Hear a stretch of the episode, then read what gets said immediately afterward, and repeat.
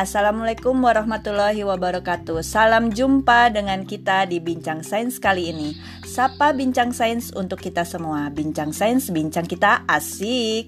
Nah, tema kali ini adalah tentang hormon dan bahagia. Dengan adanya tamu kita dari Widya Iswara Bidang Biologi PM4TK IPA Lulusan UNPAD dan ITB Beliau bernama Ibu Yani Puspitaningsi Uh, selamat malam Ibu Yani Puspitaningsih. Saya panggil Bu Yani aja ya. Selamat malam. Iya, tidak apa-apa Bu Alita, silakan aja. Ya, selamat datang. Uh, salam hangat untuk Ibu. Terima kasih telah bersedia hadir kali ini ya sebagai tamu dalam acara Bincang Sains Bincang Kita Asik seputar hormon dan bahagia. Uh, gimana Bu? Sehat Bu? Alhamdulillah sehat. Bu Arita sehat? Alhamdulillah ya. Kita sekarang di masa pandemi ya. Semoga kita selalu sehat dan bahagia ya Bu Yani.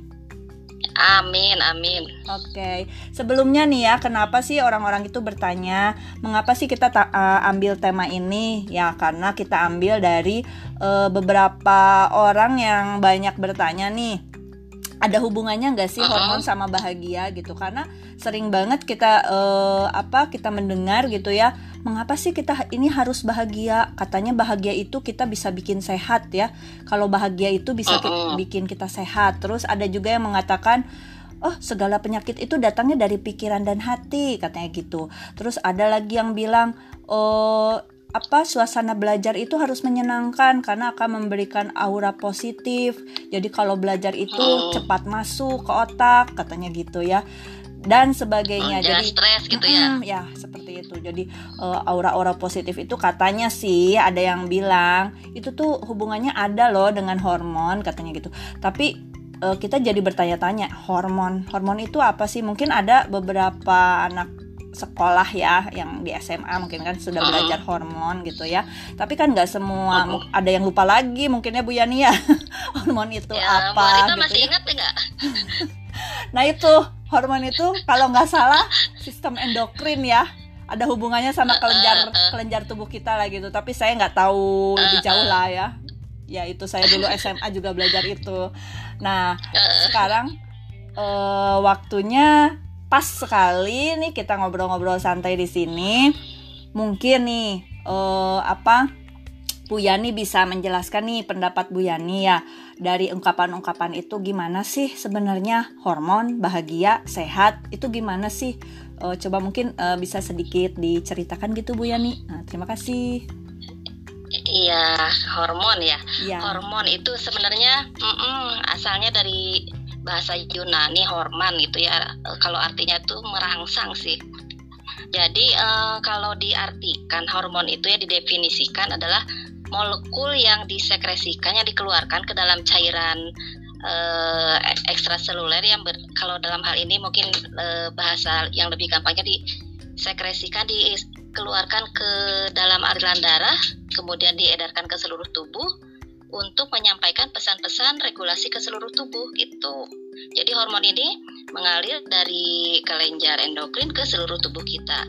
Tapi tidak semua sel-sel yang uh, dicapai oleh hormon ini memberikan respon terhadap hormon ini. Jadi hanya sel-sel target tertentu saja yang memiliki uh, reseptor khusus yang mampu memberikan respon terhadap uh, hormon tertentu gitu.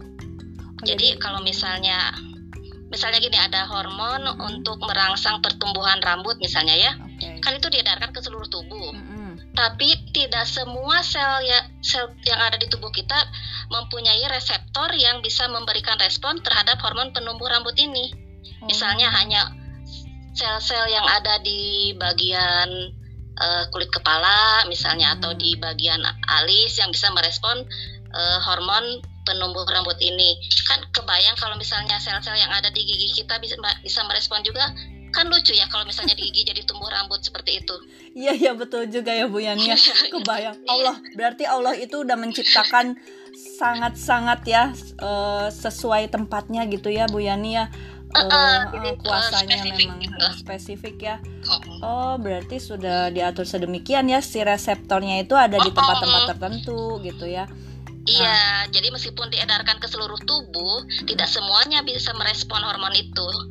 karena tidak semua berarti, mempunyai reseptor ya. Oh, berarti hormon itu banyak berarti ya, nggak cuma berhubungan dengan bahagia aja ya. Hormon itu banyak ya, termasuk banyak, tadi penumbuh banyak. penumbuh rambut seperti itu kan, seperti tadi yang Bu Yani iya. jelaskan itu. Nah, oke. Okay. Uh, eh, tadi dari yang ungkapan-ungkapan tadi ya kita hubungkan mungkin kita lebih spesifik karena banyak itu kita lebih spesifik. Apalagi ini di masa pandemi orang itu juga ada yang bilang selain perhatikan uh, protokoler kesehatan. Tapi ada juga kan uh, sering kita dengar juga kita itu jangan sampai stres ya karena kalau stres itu cepat sakit jadi kitanya harus bahagia gitu. Terus uh, apa sih hubungannya memang ada hormon yang membuat kita bahagia gitu kalau istilah-istilah di dalam masyarakat tuh ada sesuatu yang uh, bisa membuat kita bahagia tuh gimana sih Iya, emang dari sekian banyak hormon ini ada biasanya empat hormon yang selalu dikaitkan dengan perasaan bahagia itu. Mungkin Bu Arita pernah dengar ya ada hormon dopamin, oksitosin, serotonin, endorfin. Endorfin masih pernah dengar? Eh, masih ingat Bu Arita? Hormon-hormon nama-nama hormon itu? Ya, begitulah pernah dengar ya? Ya, pernah ya, dengar tapi kalau saya ditanya yang, lagi oh, yang selalu saya lupa lagi nih. Uh, uh, keempat hormon tadi okay. hmm. biasanya selalu dikaitkan dengan perasaan bahagia. Hmm. Karena um, seperti tadi misalnya hormon uh, dopamin itu bisa mengaktifkan kemampuan berpikir kita jadi lebih fokus oh, dan gitu ya? meningkatkan ya? hmm. apa? Uh, uh, mungkin itu yang tadi dikait di awal dikaitkan uh, dengan Bu Arita oleh Bu Arita tadi disebutkan pembelajaran uh, ke siswa juga harus apa we, menyenangkan yaitu kalau kita perasaan bahagia uh, hormon dopaminnya menjadi lebih uh, banyak itu dapat mengaktifkan kemampuan berpikir dan fokus. Hmm, berarti ya, reseptornya hormon, reseptornya di mana tuh Bu Yani?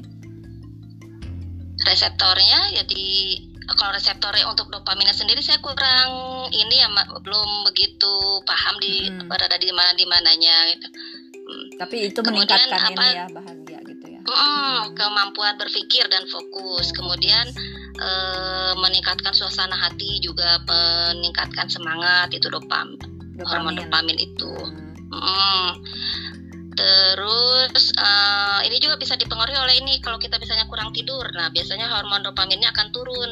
Oh gitu. Jadi kita uh, uh, makanya kalau kita kurang tidur kan kadang kita suka jadi nggak fokus ya. Iya, suka nggak mood, nggak mood siangnya tuh kan. Oh, nggak mood hmm. juga ya itu karena itu kan dopamin itu meningkatkan suasana hati, mengaktifkan kemampuan berpikir, meningkatkan da uh, daya fokus kita gitu. Hmm. Kemudian ada hormon oksitosin. Oksitosin. Nih, hormon oksitosin ini biasanya dikenal dengan hormon cinta. Wah, cinta ya hmm. Bu Yani. Nah, langsung tertarik Maksudnya gimana ya. nih? ya, ini uh, hormon oksitosin ini hmm. bisa meningkatkan mood, meningkatkan uh, gairah juga. Hmm. Kemudian um, biasanya diproduksi tubuh ketika sedang melakukan aktivitas yang berhubungan dengan kasih sayang hormon oksitosin ini. Misalnya eh, ketika kita sedang beraktivitas dengan pasangan atau antara orang tua dengan anak, kemudian apabila seorang ibu ke, eh, melahirkan atau menyusui juga ini bisa meningkatkan hormon oksitosin karena di situ kan uh, apa sedang ada aktivitas yang menunjukkan kasih sayangnya antara ibu dengan anak. Ya. Ya, jadi hormon oksitosin ini juga berperan penting dalam proses persalinan dan reproduksi. Uh, kemudian memicu ikatan antar ibu dan anak, peningkatan gairah uh, antar pasangan, kemudian bisa menurunkan kecemasan, kecanduan atau stres seperti itu. Oksitosin okay. itu. Itu yang kedua ya. Mm -hmm. Yang ketiga? Yang kedua. Kemudian yang ketiga ada hormon uh, serotonin. Nah, hormon serotonin ini mengatur kemampuan belajar dan mengatur memori. Jadi hampir sama seperti tadi dopamin ya, berhubungan hmm. dengan uh, pikiran ya. Nah, hormon serotonin ini uh, dikeluarkan apabila kita merasa puas atau merasa apa ya, uh, merasa penting, merasa berprestasi dalam suatu kegiatan itu biasanya hormon serotoninnya uh, mengalir keluar gitu diproduksi oleh uh, kelenjar. Kemudian hormon hormon serotonin ini juga uh, mengatur ritme tidur kita, mengatur nafsu makan, mengatur um, apa tadi memori memori di otak juga kita ini dipengaruhi oleh hormon serotonin. Nah itu yang ketiga. Kemudian yang keempat hormon endorfin. Nah hormon endorfin ini uh, biasanya disebut sebagai morfin alami. Oleh para ahli itu disebut morfin alami karena berfungsi menghilangkan rasa sakit. Mm-hmm. Hormon endorfin ini. Jadi ketika kita melakukan hal-hal yang membuat perhatian kita uh, terpusat dan senang, misalnya kita makan atau melakukan olahraga, itu hormon endorfinnya akan meningkat. Hmm. Nah ini yang bisa menghilangkan rasa sakit uh, baik berupa stres atau rasa tidak nyaman gitu bisa hilang dengan meningkatnya hormon endorfin. Hmm. Nah jadi uh, meskipun keempat hormon tadi mempunyai fungsi yang berbeda-beda, namun ada kesamaannya itu sama-sama dapat meningkatkan mood hmm, meningkatkan dapat meningkatkan mood, mood kita mm -mm. aura positif Jadi, itu ya kayaknya Iya, iya hormon-hormon ini diproduksi uh, tubuh secara otomatis dan produksi hormon ini dipicu oleh kondisi seseorang gitu. Hmm. Jadi bila kekurangan salah satu hormon bisa juga sih di diberikan obat untuk mengaktifkan hormon yang kurang tersebut. Tapi kan kalau dalam hal ini penggunaan obat-obat ya sebisa hindari, mungkin kita kurang kita hindari. Jadi kalau misalnya ada salah satu ya. hormon yang uh, uh, misalnya kita ingin meningkat apa ya uh, hormon yang berpengaruh terhadap rasa bahagia kita ini ada yang kurang ya ada cara-caranya untuk nah, itu uh, meningkatkan. Nah nah itu tuh. kalian saja di sini iya, betul betul. Gimana caranya tuh? Jadi, kan hormon-hormon tadi itu kan uh, bisa menimbulkan ya dari kelenjar itu kan dia dikeluarkan secara otomatis ya udah diatur sedemikian rupa sama Tuhan yang Maha Kuasa gitu kan ya. Dikeluarkan terus menimbulkan hal-hal yang ibu sebutkan tadi. Cuma uh, usaha apa sih yang perlu kita lakukan supaya uh, hormon itu bisa bisa keluar ya? Uh, keluar dikeluarkan oleh kelenjar tersebut. jadi kita uh, berada yeah. dalam jiwa yang bagus gitu kan. Uh, aura aura, aura, aura positifnya keluar gitu kan. Jadi sehat ya apa hubungannya juga sama imun? Uh, gitu. Ya ya ini uh, kebetulan saya sudah uh, apa baca-baca dari beberapa literatur ya tentang hormon bahagia ini. Hmm. Jadi ada beberapa cara untuk meningkatkan hormon bahagia. Di antaranya misalnya dengan melakukan olahraga teratur. Nah, hmm. apa hubungannya olahraga dengan hormon bahagia? Ternyata aktivitas fisik yang teratur dapat meningkatkan pelepasan endorfin, dopamin, dan serotonin. Nah, hormon-hormon itu kan tadi merupakan hormon yang de, uh, bisa meningkatkan mood ya, bisa menyebabkan perasaan bahagia bagi kita ya. Mm-mm, Jadi ke mm, salah satunya tersebut, itu dengan olahraga gitu ya. Mm, bisa meningkat uh, apa kadarnya dengan aktivitas fisik yang teratur. Kemudian bisa juga uh, dengan mendengarkan musik ya, terutama yang disukai musiknya. Oh gitu. Kalau musiknya yang uh, uh, Bu Arita sedang mendengarkan musik tidak? Ih suka banget. Berarti itu bisa memicu ini ya hormon-hormon bisa memicu hormon bahagia betul, betul, ya. ya. ya jadi tepat saya uh, mendengarkan musik ya jangan jangan lupa bahagia pokoknya Bu Arita ya mendengarkan musik terutama yang disukai itu bisa meningkatkan produksi dopamin hmm. nah dari hasil penelitian juga ada yang menyatakan bahwa bermain musik atau menciptakan musik misalnya menari menyanyi memainkan alat musik itu hmm. bisa memacu pelepasan endorfin endorfin memicu. juga kan tadi salah satu hormon memicu pelepasan endorfin jadi uh, lebih jadi aktif untuk dikeluarkan dari kelenjar itulah hmm. dengan bermain musik kemudian Bu Rita sedang makan pedas ya uh, nggak begitu saya kurang kuat sekarang kalau makan pedas bu kalau dulu suka banget oh. mm -mm. Mm -mm. Ini kan kalau makanan-makanan pedas kan uh, pasti ada cabai ya di situ mm -hmm. ya. Betul. Nah, cabai ini kan mengandung senyawa uh, capsaicin ya, yang itu capsaicin ini mampu memicu otak untuk melepaskan endorfin juga. Ya betul betul. Jadi selain tahu senyawa mendengar itu. musik, mm, mm, itu bisa melepas memicu otak melepaskan endorfin. Kemudian uh, mendapatkan pijatan juga. Kita kan uh, relax ya jadinya ya kalau dipijat ya berita ya. Iya. Nah, kalau kita rileks dengan melalui pijatan gitu bisa membuat otak juga melepaskan keempat hormon bahagia sekaligus apalagi itu. Hmm. Keempat empatnya tadi ada khusus dopamin, ya, oksitosin, khusus kan pijatannya endorfin. juga. khusus pijatannya iya. juga ya. Iya, ter terutama uh, apabila pijatannya di dari pasangan itu bisa meningkatkan otak melepaskan hormon oksitosin tadi hormon hormon apa oksitosin hormon cin cinta tak betul. Masih ingat Mbak Rita ya.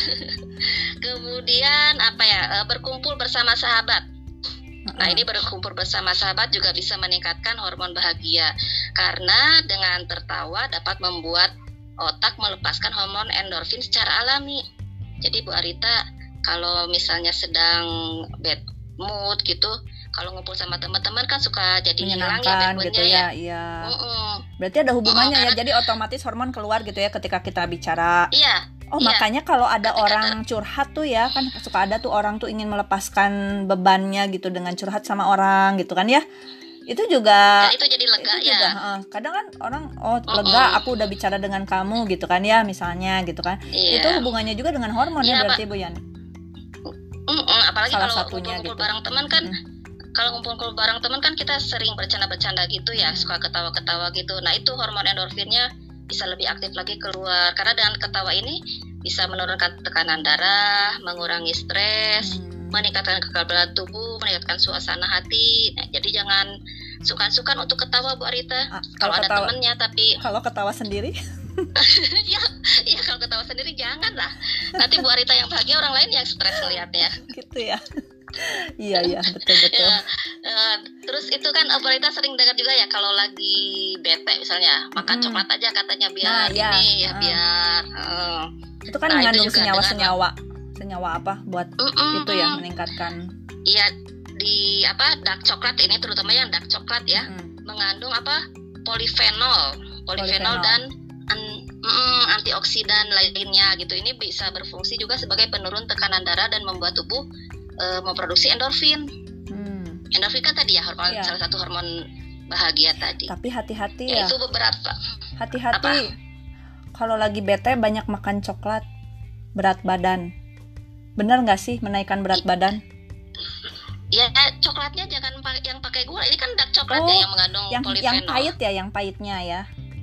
Yang uh, uh, pahit. Uh, uh. Dark coklat itu kan pahit kan. Hmm. Uh, uh, iya. Jadi aman nggak gendut ya kan juga. Oke.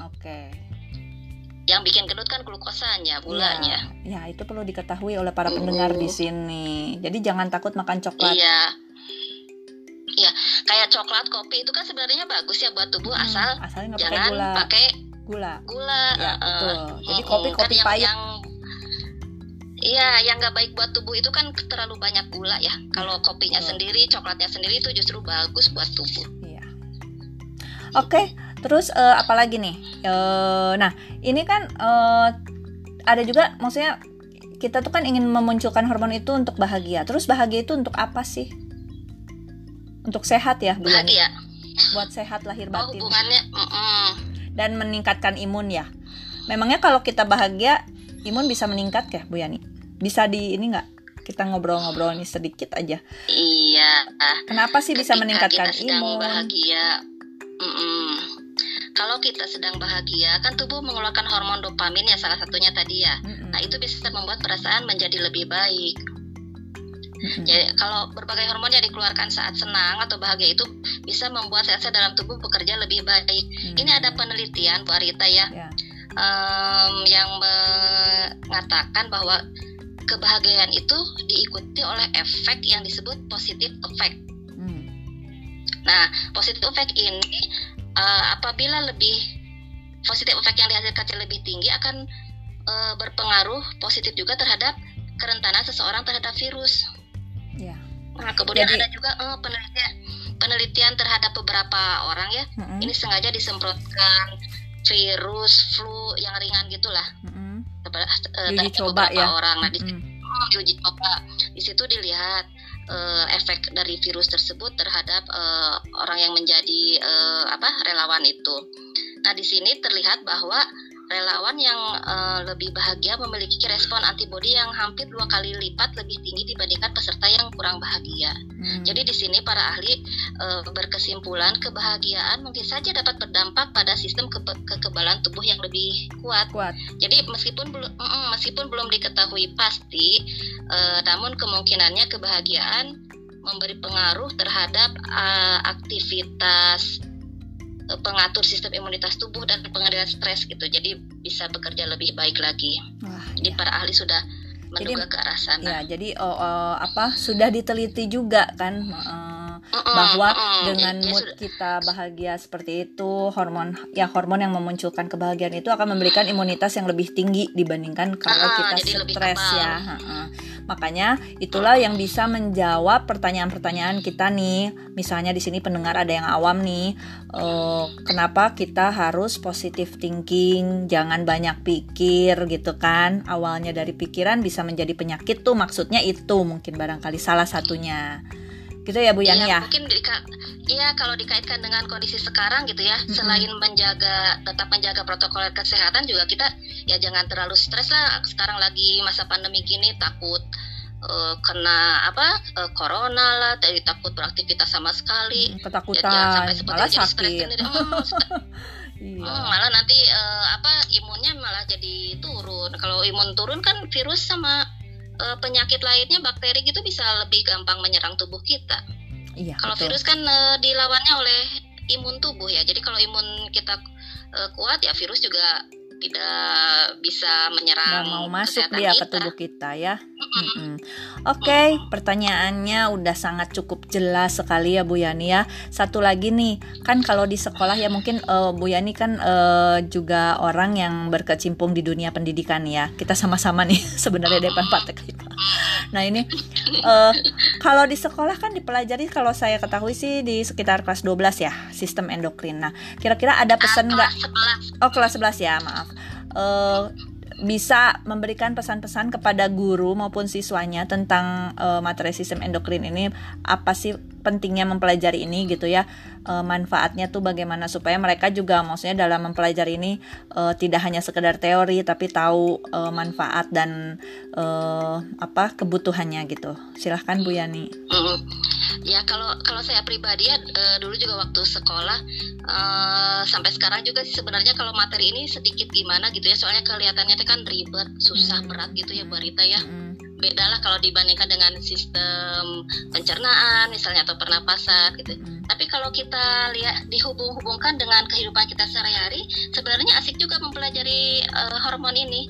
Jadi untuk Bapak Ibu guru yang ada di sekolah uh, dalam menyampaikan materi ini ya dikaitkan saja dengan kehidupan sehari-hari anak didik kita di sekolah biar uh, mereka juga jadi lebih semangat mempelajarinya kan kita lebih lebih tertarik ya kalau ada hubungannya langsung dengan kita ya, ya Bu Rita ya. Betul betul. Ya jadi meskipun materinya berat, materinya rumit juga ya asik-asik aja mempelajarinya.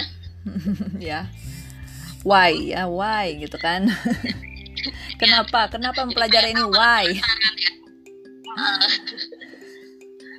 Kalau pesan untuk siswanya barangkali Bu Yani ada yang mau disampaikan? Siapa tahu yang di sini mendengarkan Untuk ada siswa. siswa gitu kan ada guru ada siswa ini kan siapa pun bisa mendengarkan. Mungkin ada pesan untuk siswa? Apa? memotivasi siswanya? Berkaitan dengan ini? apa? Berkaitan dengan ya, materi ini gitu? boleh hmm. oh ya jangan inilah jangan anggap uh, susah materi hormon sistem endokrin ini.